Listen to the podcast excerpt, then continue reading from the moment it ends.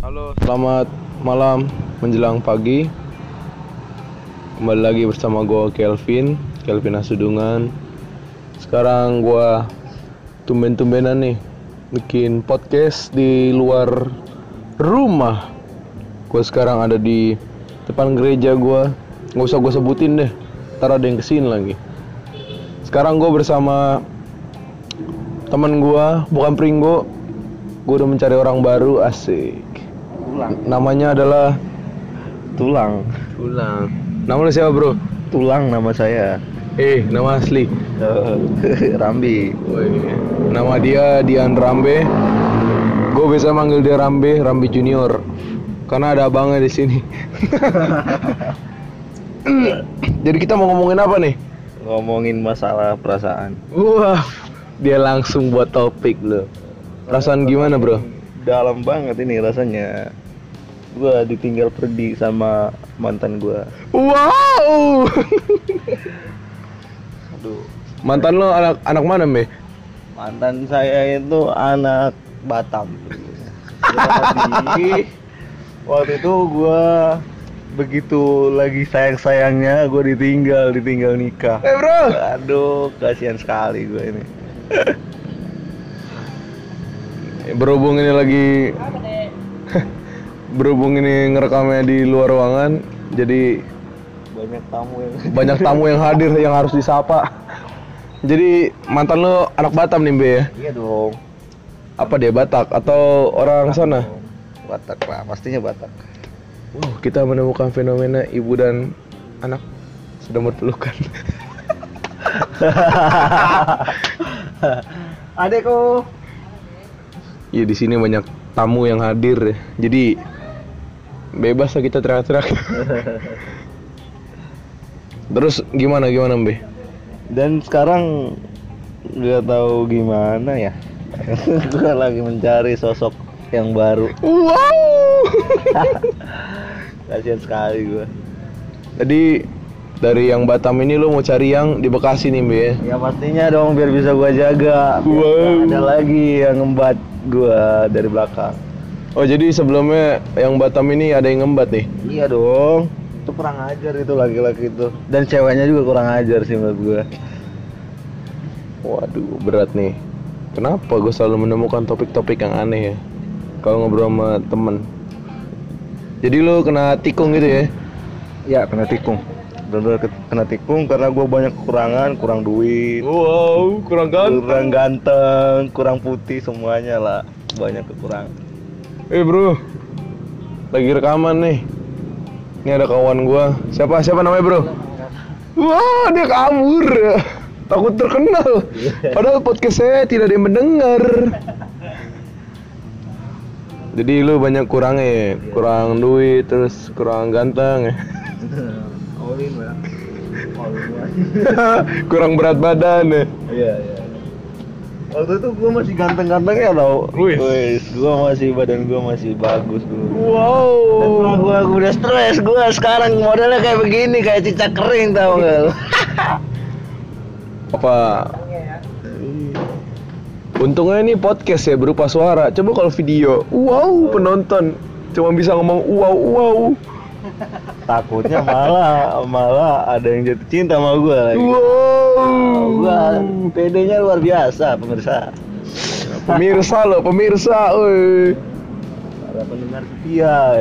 Jadi kan lo ceritanya mau nyari cewek nih di Bekasi nih. Nah, eh, Nah, tipe lo cewek kayak apa nih yang lo lagi cari nih? ya, ceweknya yang udah gue sendiri lah yang tahu nggak usah lah yang penting gue udah dapet sih istilahnya kriteria gue cuman belum dapat sepenuhnya orangnya Ah, coba kriteria lo. Selain dia itu wanita emang. iya udah pasti lah wanita dong masa waria Wow. nggak enak banget denger Apa apa apa kriteria lo? Kurus, gemuk. ya kalau menurut gue sih untuk untuk fisik nggak terlalu ya yang penting dia tuh orangnya baik nggak sombong terus orangnya cerdas dan pintar itu dan paling utama kalau main musik itu kayaknya plusnya banyak banget itu Wow, saya tahu ini. Semoga pendengar podcast saya menyadari. Wah. Eh, kira-kira kriteria lu masuk nggak eh, masalah cantik atau jelek orangnya? Kalau orang otomatis ya semua orang kali pengennya cantik, cuman gua nggak terlalu berpengaruh di situ sih. Cantik jelek relatif lah ya. Relatif. Nah, tapi kalau jelek banget juga berarti dia nggak bisa nggak bisa jaga diri dong, nggak bisa rawat diri dong. Jelek juga ya Ya, keluar dari kriteria ya. Kalau dibilang jelek itu orang nggak bisa ngurus diri menurut gua. Karena semua ciptaan Tuhan itu semuanya sempurna. Wow, kitanya yang harus merawat Ya ya. dong. Itulah gunanya ada oplas atau operasi muka ya. Jauh usah gitu juga kali. Jadi kriteria lo ceweknya harus apa tadi eh, Bukan harus sih, cuman harusnya ya, cuman harusnya. Bukan. Tapi paling enggak salah satu dari itu ya. Ah, ah, pasti. Tapi menurut lo cewek lo kan anak rantau nih ya, dari mana lo coba? Oh, kalau gua aslinya dari dari dari Sorkam. Itu Rekam. itu eh, kepingan surga yang ada di bumi. Di daerah mana itu? Coba sebut. itu daerahnya Sumatera Utara. Mantap, Ah, Sorkam. Sorkam. Nah, lo kan terakhir pacaran sama orang Batam nih ya. Iya. Terus menurut lo eh, orang Batam sama orang Bekasi nih, Bekasi Akak Jakarta, ada perbedaan nggak? Pastinya ada ada lah perbedaannya. Cuman nggak terlalu jauh juga sih. Hampir sama sih menurut gua. Bedanya cuma tipis doang. Apa apa apa? Bedanya di KTP doang. Muka mah semua gitu-gitu aja ya. Kalau nggak cantik jelek ya. eh kenapa bro? Lihat-lihat bro. Wow. Jadi perbedaan cuma di KTP ya, Iya. cuma daerah. Doang. Kalau sifat menurut lo ada yang beda nggak? Sifat pasti ada yang beda sih. Cuman tergantung kita menanggapi aja. Ah, tapi ah, tadi gue mau nanya apa lagi ya? Tapi eh sebenarnya sih gua mohon maaf ya, kadang gue itu nggak nyambung kalau dari ngobrol. Wow, saya juga. Makanya terima kasih atas uh, kesetiaannya teman-teman sudah mendengar podcast ini. Tidak pernah penting, mungkin bermanfaat. Wah, ini enaknya nih sensasi di luar nih. Kita selalu mendengar gemercik-gemercik uang ya. Portal dibuka, Itu tandanya ada uang. itu tandanya uang. Jadi setiap ada orang mau masuk dibuka, eh, keluar duit, set, goceng lah ya. Gitu. Ini balik lagi nih, cewek ya. Kriteria lu kan kira-kira mandiri nih. Nah, ada nggak yang udah lu deketin be? Berapa cewek be? Coba semenjak lu di Bekasi, yang udah lu deketin. Berapa cewek ya? Satu, dua, tiga, tiga cewek. Tiga It- cewek. itu masuk kriteria lu itu salah satunya. Jadi ini gua mau jelasin dulu. Itu tiga-tiganya itu udah bukan dalam waktu bersamaan ya. Itu pisah-pisah gitu. Jadi pertama gue deketin dulu, terus menurut gua nggak nggak nyambung, bukan nggak nyambung sih nggak cocok ya. Udah gua gua pergi, gua mundur. Terus yang kedua juga sama. Terus yang ketiga gue udah cocok, cuma dianya nggak cocok sama gua. Wow, yang Kasihan banget gua. Padahal dia mau udah dapet semua yang gua mau. Udah gitu aja kali. Jadi dari dari tiga itu yang terakhir inilah yang paling ngena ya. Makanya belum bisa nyari yang keempat nih. Untuk nyari yang keempat, gua udah nggak mikir sih. Wow. gua udah nggak mikir. Menurut gua, gua yang sekarang ini gua jalanin dulu. Dan kalau gua tipe orang yang serius ya nggak mau main-main. Dalam arti, gua deketin orang itu bukan cuman sekedar mengisi kekosongan aja. Gua deketin cewek ya emang bener-bener yang buat gua nanti harapan gua gitu Sekalian ini nggak mau promo? Lu kan punya lagu nih single. Sekalian mau promo nggak? ah iya iya, iya. Jadi gua gua pernah bikin lagu ini sama temen ya. Eis. Sama temen kita udah bikin di YouTube juga, cuman belum copyright ya. itu masih Siapa pun bisa make ya. masih apa sih namanya ya bahasanya? Masih amatir lah dibilang gitu. Itu judulnya bertahan itu sebenarnya sih itu kisah gua sama yang cewek yang sekarang sih. Cewek yang ketiga. Jadi gimana? Maksudnya isi liriknya tuh apa gitu ceritanya? Untuk ceritanya itu gua mengharapkan yang kurang pasti sih gua. Emang judul lagunya apa, Mbak? Judulnya bertahan. Untuk untuk lebih jelasnya lihat aja kali di YouTube-nya ada tuh. Oh, sih. Jadi Ya, itu- bertahan bandnya apa? Nama bandnya itu Despite Despite ID kalau di YouTube Eja, coba. Eja gimana? D E S S apa sih? P I T E ya? Despite sih kalau Oh, tulisan iya. D E S P I T E judulnya bertahan ya. Coba ceritain tadi gimana gimana ceritanya. Tahan. Jadi gua ini kisah gua lah Yes. intinya. Jadi gua deketin cewek. Cuman kalau seandainya dia denger ini Dia. GR ya, dia bu- GR. Bukan, bukan, Oh, bukan bukan GR. GR sih. Lebih ke mana? Yang ada mengarah ke arah menjijikkan dan mungkin Wow. dia bakalan bakalan makin benci sama gua. Ceritainlah uh, seenggaknya sedikit aja lah biar ngerti gitu. Apa nih maksudnya lagu sih? Jadi- Maksud aslinya ya, karena setiap lagu itu tiap orang kan beda-beda ya nanggepinnya ya. Maksudnya. Coba kalau menurut lo dari pengarang aslinya. Oke. Karena itu lirik sebenarnya gua yang bikin ya. Jadi itu inti ceritanya itu gua mencintai orang, cuman orang itu nggak cinta sama gua. Dan karena gua ini bucin, gua masih pengen bertahan sama dia. Gua udah berusaha untuk pergi tapi tapi nggak bisa gitu gue udah berusaha mau pergi mau ngelupain dia tapi balik lagi pikiran gue ngarah ke dia gue ngelihat cewek-cewek lain gue nggak ada hasrat lagi sama cewek lain Jadi udah terjebak dalam lingkaran setan ya. Oh, jangan disetanin Ya dong udah lingkaran bucin ya. Nah, jadi gue masih dalam tergolong bucin Wow. mania lah Bu- bucin tingkat akut. berat berat berat. Oh. Tapi belum ada rencana lagi lu bikin lagu lain yang ya lagu lain lah.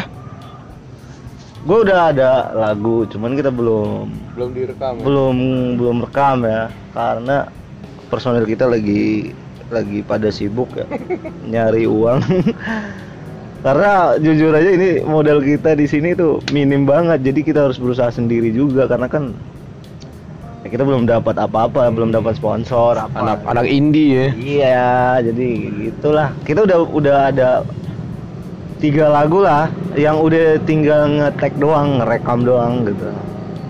Tapi ya belum sempat pada kerja sibuk kerja semua. Itu sih.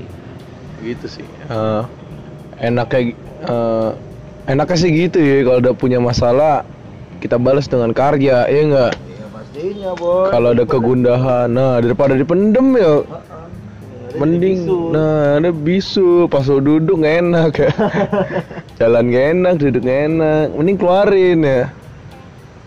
Terus ngomongin apa lagi nih yang enak ya? Jadi kriteria cewek lo udah tadi ya.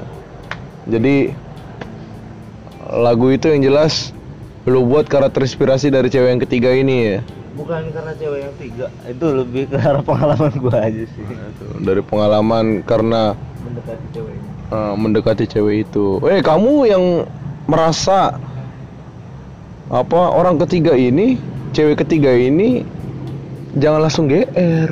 Kamu hanyalah inspirasi. sadis, sadis, sadis. jangan gitu kan Oh, jangan gitu. Ya udah. makin jijik dia Waduh, aku mohon aku mohon maaf lah ya.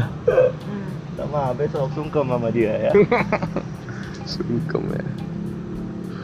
Nih apa di sini banyak banget nyamuk sumpah dah. Di belakang kita ini sebenarnya persis sekali. Terus karena mus apa udah lama nggak ada musim hujan ya. udah musim kemarau, kering, terus nyamuknya keluar semua. Aduh. Sebenarnya enak nongkrong sini ya, cuman gila nyamuknya parah. Jadi kita udah ngomongin cewek, terus oh cerita dong, lu tinggal di mana, Mbe? Oke. Jadi gua gua sekarang tinggalnya kos-kosan ya.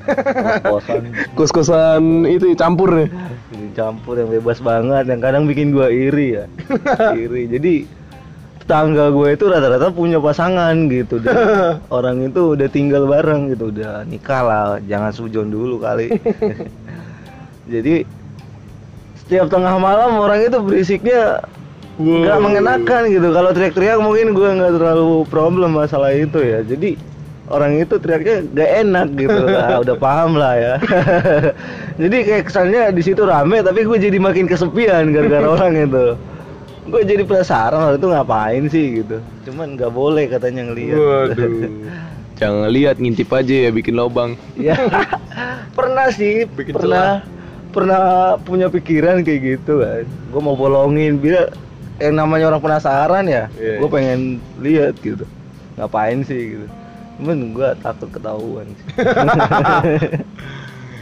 Wow, maksudnya mengintip orang senang-senang ya.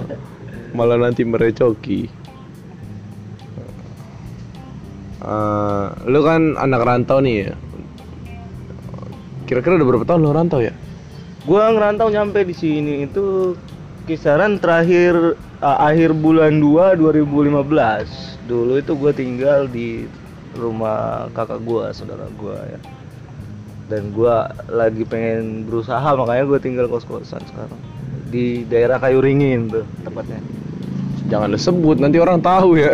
ya nggak apa-apa daripada gue kesepian nggak apa-apa. Wow, daripada cuma mendengar orang teriak-teriak ya. Jadi lu 2015 ke sini terus apa kesan lu pertama kali nyampe di sini? pertama kali itu ya banyak pengalaman sih di sini kesan gua pertama nyampe sini gua terheran-heran melihat gedung tinggi-tinggi karena kan gua orang kampung kasihan gua sebenarnya sih gua di waktu kuliah di Medan gua udah udah pernah ngelihat juga gedung gitu gedung tinggi cuman banyak di sini. bukan gas banyak cuman gua jujur aja ya gua nggak pernah masuk ke dalam jadi gua nggak tahu isinya gimana dan di sini gua udah banyak sih udah banyak gua Masuk ya, gedung-gedung gua ya? masukin gedung-gedung yang tinggi itu dan gua menatap dari atas itu ternyata bagus banget cobain deh Tapi sebelumnya dur- sebelum 2015 lu ke mana tuh? Apa masih di kampung? jadi gua Lu benar-benar keluar dari kampung tuh kapan sebenarnya? Sebenarnya sih dari dari kecil dari mulai lahir itu di kampung sampai SMA ya itu 2012 lulus lulus SMA terus gue kuliah ke Medan. Gue kuliah ke Medan 2014 eh 2012 lulusnya 2014 itu ngambil D3 dan di sini sekarang lagi ngambil S1 nya lagi. Mudah-mudahan bisa sampai ambil S3 lah di sini Oh, jadi gitu. Dur- Lama lah lu, asli kampung lah ya. Ya, pastinya dong orang kampung itu mantap lah pokoknya Terus apa yang menjadi pegangan lu gitu biar lu nggak aneh-aneh gitu di tanah perantauan lu gitu. Mungkin ada pesan gitu dari orang tua yang lu udah pegang sampai sekarang. mungkin kalau dari orang tua ya orang tua nggak pernah kali ya. Orang tua siapa pun itu selalu bilang yang baik-baik. Dan yang paling gue ingat itu dari orang tua gue tuh lu pasti bisa. Itu lu pasti bisa. Lu mau di mana pun lu pasti bisa. Intinya itu aja. Jangan takut mencoba hal-hal baru. Itu sih. Itu benar-benar lu pegang. Keren keren keren. Gua gua kan bisa dibilang gua anak asli Bekasi lah walaupun gua ada keturunan Batak. Pulang kampung pun ke tanah kelahiran bapak gua, mak gua. Itu setiap apa cuma ada momen-momen khusus aja misalnya opung gua meninggal. Terus sekalinya yang senang-senang itu berapa puluh tahun yang lalu loh itu itu gara-gara udah gua atau adik bapak gua nikah jadi gua nggak begitu tahu lah gua asli anak sini nah gua kadang-kadang nggak kebayang gitu gimana rasanya merantau. Terus eh, lu kadang-kadang ngerasa sepi nggak? Misalnya di kamar kosan nih kan lu sendiri. Kalau kita kan di rumah kan biasanya ada orang tua gitu kan apa adik kakak. Nah kalau lu di rumah di kosan kalau lagi sendiri gimana? Sepi atau gimana perasaan lu yang namanya mood itu pasti ada berubahnya gitu. Ya pastilah pernah ngerasa yang namanya kesepian ya. Cuman untuk ngakalin itu yang paling paling gua nelpon biar daripada gua ngelakukan hal-hal yang enggak Wow. gua yang enggak penting. Seperti mengintip ya? Mengintip ya kan. Karena kalau kita diam aja kita lagi kesepian kita diam aja yang ada di otak itu mikirin yang enggak enggak jadinya. Iya, jadi iya. mending kita cari kesibukan lah. Intinya gitu cara ngakalinnya. Dan ya mungkin orang yang gue telepon itu bakal merasa terganggu banget kali. Tapi mau gimana daripada gue ngelakukan hal jahat? Gimana? Lo pilih mana? Jadi selain nelpon tadi lu ngapain aja? Ya itu doang paling nelpon. Udah kayak cari kesibukan lain lah. Apa kek ya. ke kontrakan temen gitu kan gangguin orang lah intinya yang penting gangguin orang ya nilai positif lah gangguin orang gak mencuri Iya, ngobrol gitu ya, nyari teman lah ya. Oh ternyata gitu. Gue juga kadang-kadang nggak kebayang gitu kalau misalnya gue ngerantau. Terus gue gimana nanti ya beradaptasi gitu. Nah lu cara beradaptasi sama lingkungan baru itu gimana caranya waktu awal-awal? cara beradaptasi ya udah gabung aja meskipun gak nyambung udah gabung aja sama orang-orang gitu ikutin alurnya ntar sendiri sendiri orang itu bakalan bisa nyatu ke kita itu aja Yang penting ketawa-ketawa. Semua orang mah yang penting mah kalau udah ketawa udah pasti temen ya. ini udah pura-pura so gaul aja udah kalau lewat gitu ketemu papasan eh bro gitu atau bang atau apa kayak sapaannya yang enak gitu Iya. Kalau nggak gitu mah nggak hidup ya. Harus ada teman tanah rantau. Tips juga tuh ya. Perbanyak teman biar akhir bulan enak ya. Terus abang lo kan ngerantau juga nih. Duluanan abang lo atau lo sih? ya bang gua duluan dia duluan dua tahun kali dua tahun atau dua setengah tahun kali ya udah Terus lu sama abang lo beda berapa tahun sebenarnya? Beda cuma setahun doang sih sama dia. setahun dia sembilan sembilan tiga gua sembilan empat Terus lo gimana di tanah rantau sama abang lo? Apakah gimana gue bilang ya? Apakah kan jauh nih dari rumah ya? Pasti bisa dibilang ya udah abang lo doang lah, lu saling mengandalkan gitu kan? Terus lu gimana berdua? Apakah saling mendukung apa bodo amat urusan urusan lu tuh? Capek gua ngurusin hidup gua, ada lo lagi atau gimana? uh, pikiran lu uh, kepada abang lu Belibet ya suara apa pertanyaannya itu Ribet- ini. ya harus punya pemahaman tingkat tinggi itu Gitu. Ah, jadi gua sama abang gua bukan cuman gimana ya dari dulu sih saling bantu.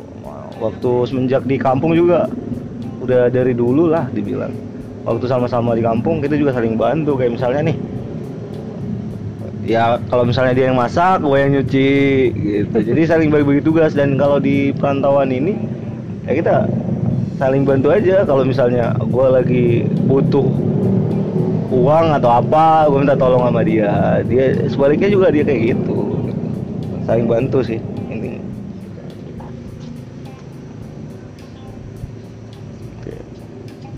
jadi sebenarnya tips merantau juga di tempat perantauan kita juga sebenarnya harus ada saudara terdekat juga ya biar nggak lepas banget ya. Menurut lu gimana? Ya sebenarnya sih kalau ada ya bagus. Bagus sih kalau ada. Tapi nggak nggak ada pun nggak apa-apa. Intinya eh lakukan yang baik-baik aja. Jangan yang buruk-buruk. Jangan aneh-aneh ya. Terus tujuan lu sebenarnya merantau itu apa? Ada tujuan merantau ya pasti ada lah. Apa? tujuan merantau itu yang paling pertama ya. Kalau di otak gua gua merantau ke sini itu karena pikiran gue di sini banyak kerjaan gitu. Banyak yang butuhin jasa gua gitu makanya gua ke sini. Jadi ini waktu gimana ya? Gua agak ribet juga ini. Ya, tujuan merantau ya pengen sukses lah pengen sukses intinya tujuan orang itu merantau itu pengen sukses gitu. Ya mana tahu nasib kita di sini. Bagus gitu. Itu sih. Eh, kan tadi lu bilang awal tujuan lu merantau kan lu eh, ngerasa nih, wih banyak lapangan pekerjaan, kira-kira gitu kan ya? iya. Terus realitanya seperti apa kawan? ya emang benar banyak pekerjaan. Cuman nggak sebanding sama orang yang membutuhkan pekerjaan gitu jadi ya di sini emang benar-benar ketat banget persaingannya kalau kita nggak berani nggak benar-benar berani kita nggak bakalan bisa Oh. Eh, lu di Bekasi ini udah ngelakuin kerjaan apa aja? Udah sampai berapa berapa pekerjaan? Kira-kira udah masih ingat gak lu? kalau pekerjaan di sini yang gue jalanin masih sedikit ya sedikit. Yang pertama gue tuh kerja di di pabrik ya pabrik. Nah itu gue selama 2 tahun itu tepatnya di Kerawang lah Kerawang Jawa Barat. Gue dua tahun di sana terus Itu 2000 berapa tuh? itu 2000 gue nyampe di sini kan akhir bulan 2 2015 ya. Terus bulan 4 gue udah kerja gitu. Gue bersyukur banget nggak lama nganggur gitu gue udah langsung dapat kerja di sini dan lumayan juga hasilnya di sana. Dan di situ yang paling penting ya terutama buat orang-orang perantau gitu. Jangan langsung merasa mawas diri gitu merasa sombong gitu. Gua itu gua ngalamin dulu kayak gitu sih. Gua dulu waktu di di sana ya pertama kerja di pabrik itu duitnya banyak gitu. Nah gua ngerasa ya gua udah selesai kerja di sana dan gua masih banyak hitungannya bukan banyak ya masih ada pegangan gitu jadi gua merasa sombong banyak pekerjaan yang gua tolak terus gua berleha-leha gua ngambur-ngamburin duit ke mana-mana Sampai ke Batam ya. ya ke Batam ah, itu mah demi cinta Wow, bucin lingkar bucin. Bucin. masa kita pacaran di HP doang ya, ketemu lah sekali-kali itu baru cinta Jadi lu terlena dengan uang ya. ya gue terlena sama uang jadi setelah itu gue gue kan sampai nganggur itu selama setahun setahun pas banget itu setahun. Gue nganggur Setelah dari pabrik ya. Ah, setelah dari pabrik gue nganggur setahun dan duitnya udah benar-benar habis banget gitu. Nah habis itu gue kerja di apa sih namanya ya, ya perusahaan multiguna lah gitu.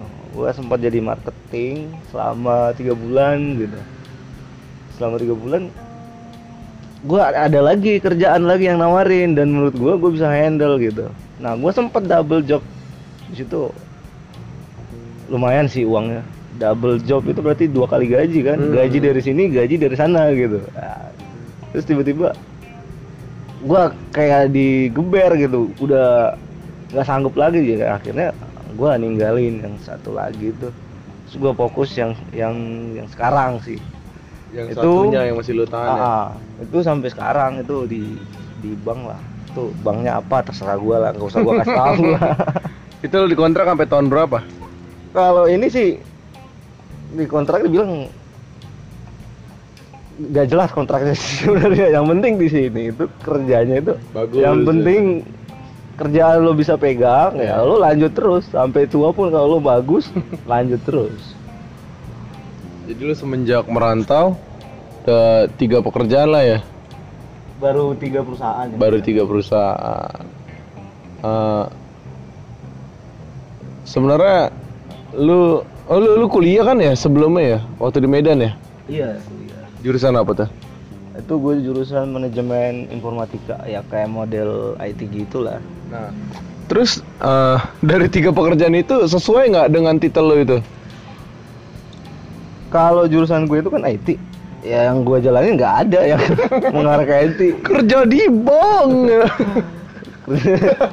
Cuman ada sih. Beberapa ilmu yang gua pergunain yang gua selama kuliah dulu di kerjaan ada lah yang gua pergunain, gua manfaatin. Dan gua kan dulu orang kampung ya, di kampung itu orang apa pun ya. Bukan jadi di sana itu masih kolot lah dibilang bahasa Hmm. kampung gue itu kolot ya. Jadi Wih, udara komputer di kampung gue itu baru berapa biji doang yang ada gitu dan itu punya orang nggak bisa kita pakai dan gue sebagai orang kampung nggak tahu yang namanya Komputer. komputer itu gue inget banget dulu waktu gue SMP gue megang komputer di situ di SMP lah SMP itu gue praktek dan tahu nggak prakteknya itu cuman nyalain komputer habis itu shutdown. Udah itu doang yang gue tahu. Itu ilmunya yang gue tahu dulu. Sekelas Nah, SMP ya. itu. Nah terus setelah itu gue kan mikir ya pasti ke depannya semua Orang udah IT ya. udah mengarah ke arah apa sih elektronik semua lah dibilang gitu ya.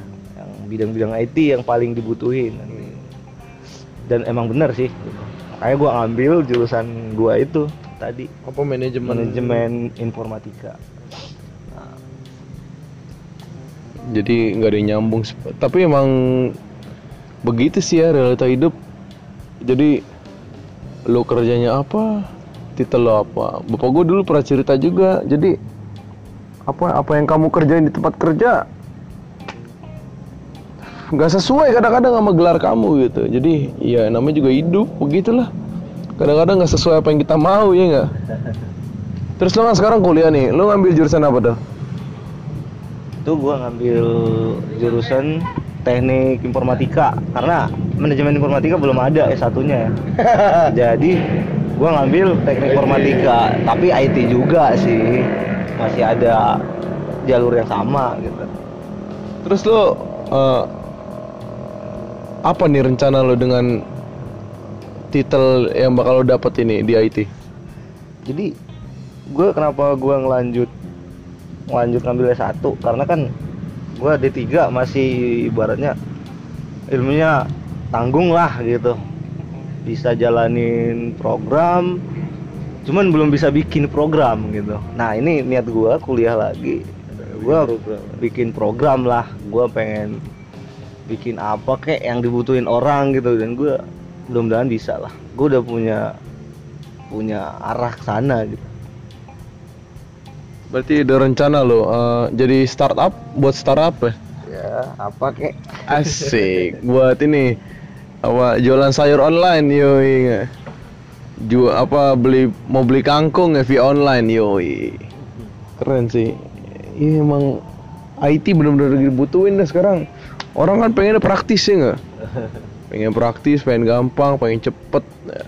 makanya kayak GoFood eh, ojo ojek online lah itu bener-bener dibutuhin orang sekarang. Karena dengan kemudahan kecepatannya. Keren keren keren. Jadi ada pikiran sono juga lo ya. Iyalah. dengan IT itu. Kira ini iseng-iseng doang ya? Ya kagak lah ya biar kan ada juga orang orang kuliah ikut-ikutan Ya, gitu. tuh, betul. Teman gua kuliah nih, gua mau kuliah. Dia ngambil jurusan ini, gua juga ngambil itu dah gitu. padahal nggak ada maksud ya Jadi dia nggak nggak tahu tujuannya itu ngambil kuliah itu dia mau arahnya ke mana dia nggak tahu. Intinya dia kuliah aja biar sama kayak orang-orang gitu. Ya kalau gua mah kalau gua ya itu tujuan gue. Eh, terus nanti lu kan bakal lulus nih Eh, lu bakal lulus terus lu mau melanjutkan pekerjaan lu yang lama ini nggak atau lu pengen cari yang sesuai dengan gelar lu ini gelar IT itu apa sih S S apa Ini kan sarjana teknik. Sarjana teknik nah gimana Ya namanya orang kan selalu berharap yang baik-baik ya. ya kalau misalnya ada yang lebih baik kenapa enggak gitu. Jadi gua sebenarnya sih dari gua udah kerja juga, ada juga yang nawarin kerjaan yang lebih baik gitu. Tapi untuk sementara ini karena kerjaan ini menurut gua bisa menyesuaikan jadwal gua kuliah, ya jadi gua pertahanin ini dulu. Ya kalau udah selesai kuliah mudah-mudahan sampai selesai kuliah lah gitu. Jadi gue bakalan terbang dari sini. Kira-kira lulus 2000 berapa emang kira-kira ya ya mudah-mudahan 2020 lah Woi, amin. Semoga tercapai angan dan cita-citamu. Balik lagi ke wanita ya. Biar kita biar obrolan kita naik sedikit. Jadi kalau misalnya lo dapet cewek sini, apakah akan lo nikahkan di sini atau lo bawa ke kampung? Kalau Seperti pada Batak eh seperti Batak pada umumnya pasti dibawa ke kampung ya. Iya lah. Nah, kalau menurut lo gimana? Jadi kalau sebenarnya kalau orang Batak itu ya yang paling sering itu ya udah dari dulu-dulu acara nikah gitu itu selalu di tempat laki-laki. Nah, kembali lagi kan sekarang udah beda zamannya gitu. Itu tergantung kesepakatan dan tergantung kemampuan gitu. Karena kalau misalnya nih, kenapa gue bilang kemampuan? Misalnya kalau di kampung itu biayanya lebih kecil ya dibanding di sini karena nggak harus nyewa gedung, nggak harus catering karena di sana itu saling membantu gitu kalau ada acara nikah mudah-mudinya bantuin masak gitu nyediain buat tamu-tamu kalau di sini kan semuanya Catering. pakai duit gitu Iya. beli apa buat lah yang ngurus ya. Ah, ah. Eh WO WO. udah ada yang ngurusin gitu dan itu kita harus bayar kalau di sana kan masih ada bantu-bantuan gitu. Nah itu kalau misalnya eh, gua mampu di sini dan kesepakatannya harus tetap di sini ya udah gua gua ikutin. Tapi kalau misalnya gua nggak mampu terus dia maksain di sini ya mau gimana? Mending bunuh gua aja. Iya, kalau di sini mah wow wow ya biayanya wow, sinamotnya wow, belum lagi dengan celetehan orang tuanya ya. Wow. Dasar anak kota ya. Tapi kalau dengar cerita lo nggak ada bedanya ya mungkin ya. Karena gue belum pernah benar-benar keluar daerah sih. Selain di Batam, pernah di mana lagi lo di luar kota? Selain di kampung lo? selain di kampung ya gue jalan gua hidup gue yang daerah ya yang menurut gue yang benar-benar jalanin hidup di situ di kampung Medan di Kerawang sama Bekasi lah Oh, di Kerawang pernah deketin cewek lo? di Kerawang bukan gue nggak deketin cewek cewek yang deketin gue bro Wow. ya itu kan namanya cewek deketin kita ya nggak apa-apa dong bercanda woi Woi, wanita Kerawang, Anda berbahaya ya. Nah, jadi waktu gua ada nih cerita unik ya. Waktu gua ngekos di Kerawang ya. Karena kalau di Kerawang itu orang PT itu berjaya ya. Ya, karena duitnya banyak. Dan UMR tertinggi di Indonesia itu menurut Dari gua Kerawang. Kerawang lah Berapa gitu. sih? 4, berapa sih? Gua terakhir itu terakhir 2000 berapa ya? 2017 gua terakhir gaji gua itu gaji pokok ya, belum tunjangan. Gua mau sombong dulu ya. Gue seneng ya sombong-sombong. Iya. Di orang-orang kantor kan cuman gaji tok doang gitu. Kalau gua beda lagi. Itu gaji pokoknya 4 41 sekian lah hampir 42 gitu. Itu Belum gaji lembur ya. belum lembur, tun- tunjangan makan, tunjangan transport, terus tunjangan kesehatan. Jadi biasanya lo kalau per bulan berapa lah? per bulan ya jangan lah nominal lah. gitu. Wih. Jadi Ada 6 lah ya. kalau misalnya dihitung angkanya dari 7 sampai 11 lah. Ah, terus terus terus. jadi gue dulu di Kerawang ngekos ngekos juga ya jadi udah dunia gue udah mungkin udah dunia kos kali. Kos. Dan di kos gue itu kebetulan ada kampus ya kampus. Dan di daerah kosan gue itu banyak mahasiswa mahasiswa yang ngekos juga gitu. Di sebelah kosan gue itu kosan khusus cewek mahasiswa di situ gitu. Dan itu jurusannya perawat ya bagus-bagus sih cakep gitu. Ya gue cowok bro. Ya gue bisa lihat lah yang cakep gimana gitu. Terus di tempat gue itu di kosan gue itu bebas bisa cowok bisa cewek gitu. Nah cewek-cewek ini ngelihat gue setiap malam pulang gitu. Wih, udah dipantau lo ya. ya diliatin sama pulang. Terus pura-pura lah minjem charger minta ini. Nah terus pada saat gua gua berangkat kerja dia minjem kunci gua. Kunci kunci kamar ya. Wow. kunci kamar terus dia bilang nanti gua mau mau ke situ bentar ada sesuatu katanya. Cuman dia nggak kasih tahu. Yang namanya gua udah udah kenal lah. Dia udah nggak ada sungkan-sungkan lagi gitu kan. Udah gua kasih aja gua kasih. Terus uh, gua pulang kerja gua telepon dia gua minta kunci. Gua masuk ada sesuatu di situ Wow. Kehidupan 18 plus memang berat kawan. Ini konten 18 plus kawan. Bisa dicekal kaseto nanti. Enggak, enggak sih sebenarnya bukan aneh-aneh sih. Cuman menurut, Aneh ya. menurut gua menurut gua dia kayak berani gitu kayak gitu. Dia nggak Udah minjem kosan, yang meninggalkan Nitip. barang. nitip bunga terus ada tulisannya. Dia ngajakin ngajakin gua makan terus dia mau ngobrol katanya sama gua. Oh itu barangnya. terus gua pulang kan. Gua lihat langsung gua lihat gua belum mandi ini. Gua baru buka sepatu doang gitu. Baju kerja masih kepake gitu. Terus gua gua baca kan ngajak makan gitu. Nanti BA gua ya kalau lo mau kata Wow. Terus gua gua benar-benar bingung di situ ya. Kalau mungkin gimana ya? Kalau mungkin cowok lain bakalan mau mau aja ya. kali gitu. Cuman gua nggak mau ah gitu. Takut gitu takut jebakan gitu takut, Kemakan wanita kerawang. takut ya. jebakan karena udah pernah ada kejadian. Nanti gue ceritain lagi dah. Terus gua gua WA dia kan. Terus gua bilang aduh sorry banget nih. Gue capek banget kerja. Kapan-kapan aja gue bilang. Terus dia bilang oh ya udah nggak apa-apa katanya gitu. Terus besok besoknya dia datang lagi kosan. Lu gimana sih? Orang gue yang ngajakin lu nggak mau? katanya gitu kan. Terus gue bilang enggak nggak apa-apa gue emang bener kerja capek kerja pabrik gue bilang gitu. Ya kan makan doang katanya. Ya udah kapan-kapan aja ya kalau gue libur gue bilang sedangkan kalau gue libur gue balik Bekasi bro terus pernah lah sekali gue ikutin kan gue pergi emang makan dia ya? ya emang makan terus dia dia cerita masalah masa lalunya lah sama apa? sama cowoknya gimana Oh. gitu kan terus, terus dia menceritakan dia emang lagi kosong gitu Wow. gua ini nggak tahu sih tujuan dia Sedang apa buka ya loker.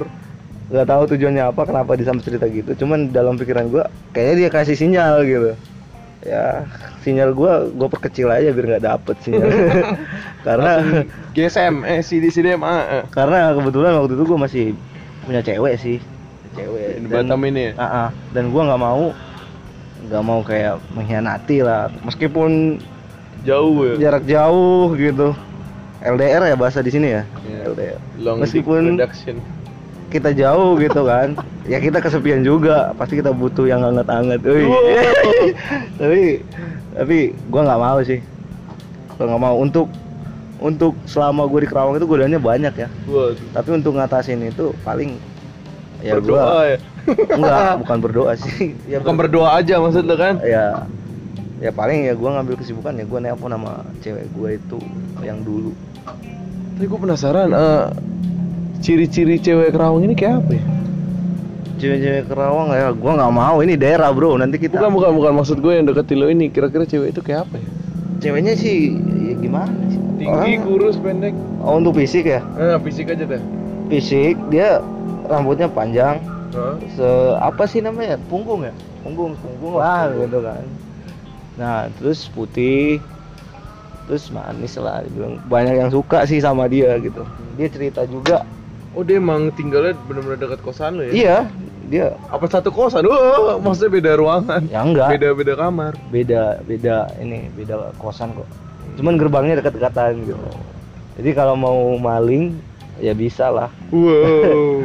cuman dia ada CCTV-nya gua nggak ada Kosan jadi laki ya. jadi mungkin dia aja yang keluar kali jumpain gua Bahaya lu. Bahaya anda.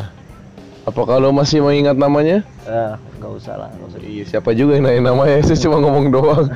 Buang-buang gitu nama itu jauh-jauh. Iya. Kalau suatu hari lo ketemu dia lagi gimana? kayaknya udah udah hal mustahil ya karena gue udah di Bekasi sedangkan dia sebenarnya sih aslinya orang Bandung Oh, oh saya kebayang cewek-cewek gelis Bandung. Ya ampun.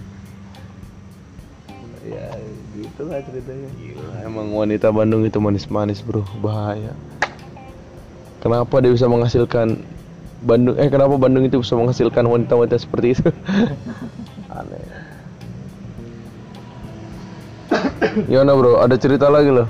oh iya tadi kan gue bilang gue mau cerita masalah kasus di kosan gua di kosan gua itu kan gimana ya bebas lah dibilang boleh cewek boleh cowok. Dan itu lebih gimana ya, gak terlihat ke jalan gitu. Dia masuk gang. Gang bukan gangnya gede sih. Mobil bisa lewat dua lah gitu. Nah tapi nggak terlalu diperhatiin orang gitu karena dia masuk ke dalam kan. Nah jadi ada teman gua dia tuh ada kenalan cewek tuh. Kenalan cewek orangnya tuh udah sering jalan makan main gitu terus pernah juga tuh nginep gitu kan. Sebenarnya sih untuk masalah pastinya gua nggak tahu ya. Orang itu lah yang tahu. Apain ya gitu ya? waktu itu pas malam itu gua sama dia itu kan beda shift ya. Beda shift. Satu gua sama teman gue ini beda shift kerjanya. Kita satu kerja bareng. Kalau gua masuk pagi dia masuknya malam.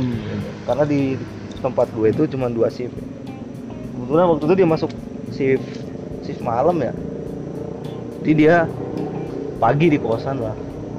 Kosan istirahat tidur gitu kan. Nah ceweknya minta datang minta datang itu itu cerita teman gue sih. Nggak tahu dia bohong apa apa. Dan waktu gue balik kerja emang lagi rame di situ. Lagi banyak orang. Cewek itu minta datang terus ceweknya datang ke situ dia terima dong karena kan ya udah kayak pacaran mungkin ya. Terima terus cewek itu ngunci pintu. Ngunci pintu nggak berapa lama emang sengaja lampunya dimatiin. Nggak berapa lama ada yang gedor pintu. Grebek gitu ya? ah kayak digerebek gitu lah nggak tahu aslinya gimana ceritanya ya. Cuman digerebek gitu kayak bentuk preman juga yang datang dibilang diancam udah lu dinikahin gue gitu. Sedangkan teman gue ini belum ada ngarah sana pikirannya kan. Jauh. jadi dipalak lah dia. Mintain duit lah sampai ada tiga setengah juta di dompetnya itu. Itu dia mau beli motor bodong waktu itu. Dia udah Nggak ngambil jadi. ngambil ngambil duitnya. Uang cash yang dipegang nah diambil semua jadinya diambil semua duitnya dan emang diramein di situ duitnya diambil semua jadi Nah, Parah ya. Jadi udah dipantau ya berarti ya?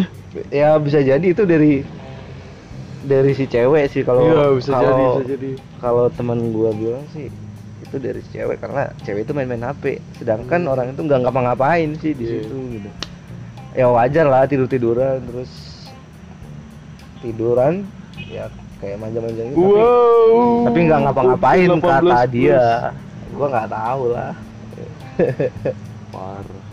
Hati kawan. Itulah kau dari terjebak kejadian- nafsu. kejadian itu gua nggak mau kayak gitu ah ngapain gua nikah yang nggak bener jadinya iya iya iya. Jangan-jangan tuh cewek bisa jadi permainan. Wah. Pembelajaran juga sih ya, hati-hati. Jangan tertipu dengan manisnya wajah. Waduh. Ngeri ngeri ngeri. Woi, kita ngobrol udah lama banget nih. Udah 48 menit, cuy. Oke. Ini itu aja kali ya. Woi, mungkin gue jelasin ciri-ciri Bang Rambe ini ya. Orangnya kurus nih. Kayak yang lu bilang tadi apa? Kayak cicak, cicak kering. apa cicak kering? Yang di belakang ini pintu ya mati. kurus terus mukanya batak ya. Mukanya kalau sekilas mirip abangnya kalau lu kenal dia. kalau pendengar gua ada yang kenal dia mirip abangnya mukanya. gitulah oh, apa rapi orangnya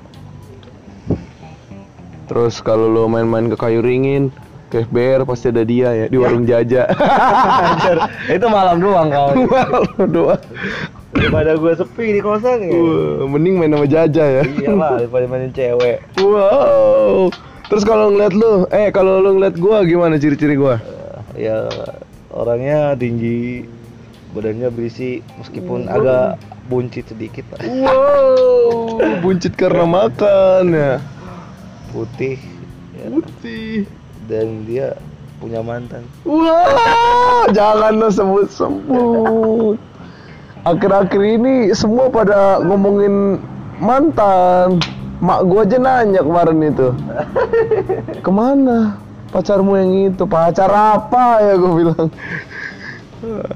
ya udah mungkin sekian itu eh sekian itu sekian aja podcast gua eh atau ada lagi kata-kata terakhir Enggak sih. dari lo Enggak. Enggak ada, udah cukup aja. Motivasi orang perantau itu lakukan yang baik-baik. lu yakin sama diri lu sendiri, jangan takut mencoba hal baru. Udah, itu aja. Oke. Oke. Mungkin itu aja podcast gue kali ini. Dan selamat malam. Goodbye. Dadah. Alright.